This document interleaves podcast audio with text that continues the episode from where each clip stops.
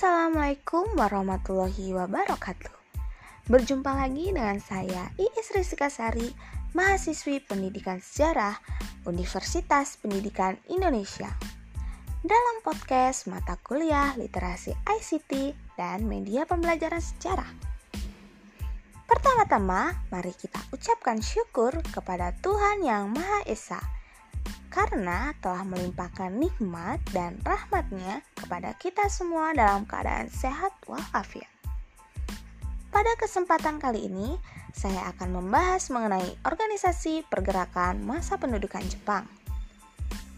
Pada masa Jepang ini bermunculan organisasi pergerakan, meskipun pada masa penjajahan Belanda terdapat juga organisasi, namun telah dibubarkan oleh Jepang Beberapa tokoh Indonesia seperti Soekarno, Muhammad Hatta, Syahrir, dan lain-lain memanfaatkan organisasi untuk kepentingan perjuangan.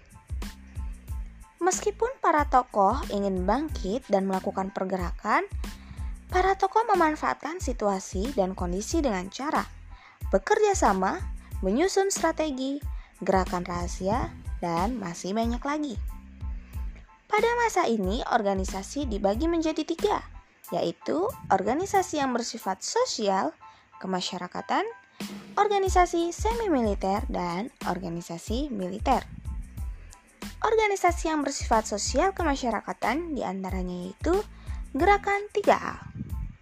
Gerakan 3A bertujuan untuk mendapatkan dukungan rakyat Indonesia. Karena dianggap kurang efektif, maka dibubarkan dan diganti dengan putra atau put pusat tenaga rakyat. Jepang mengajak tokoh pergerakan nasional untuk melakukan kerjasama, namun akhirnya dibubarkan karena organisasi ini dimanfaatkan oleh tokoh pergerakan nasional Indonesia.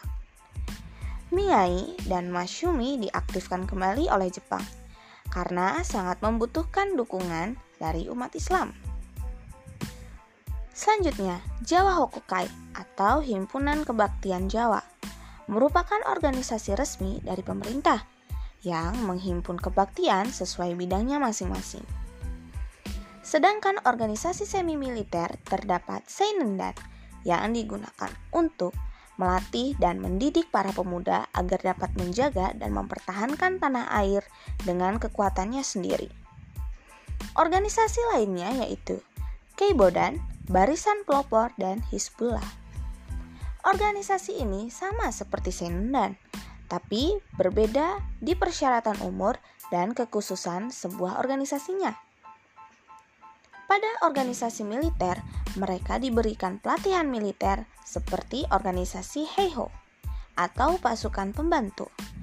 Jadi, prajurit Indonesia yang langsung ditempatkan di dalam organisasi militer Jepang Hal ini membuat lebih terlatih dan terjun ke dunia perang.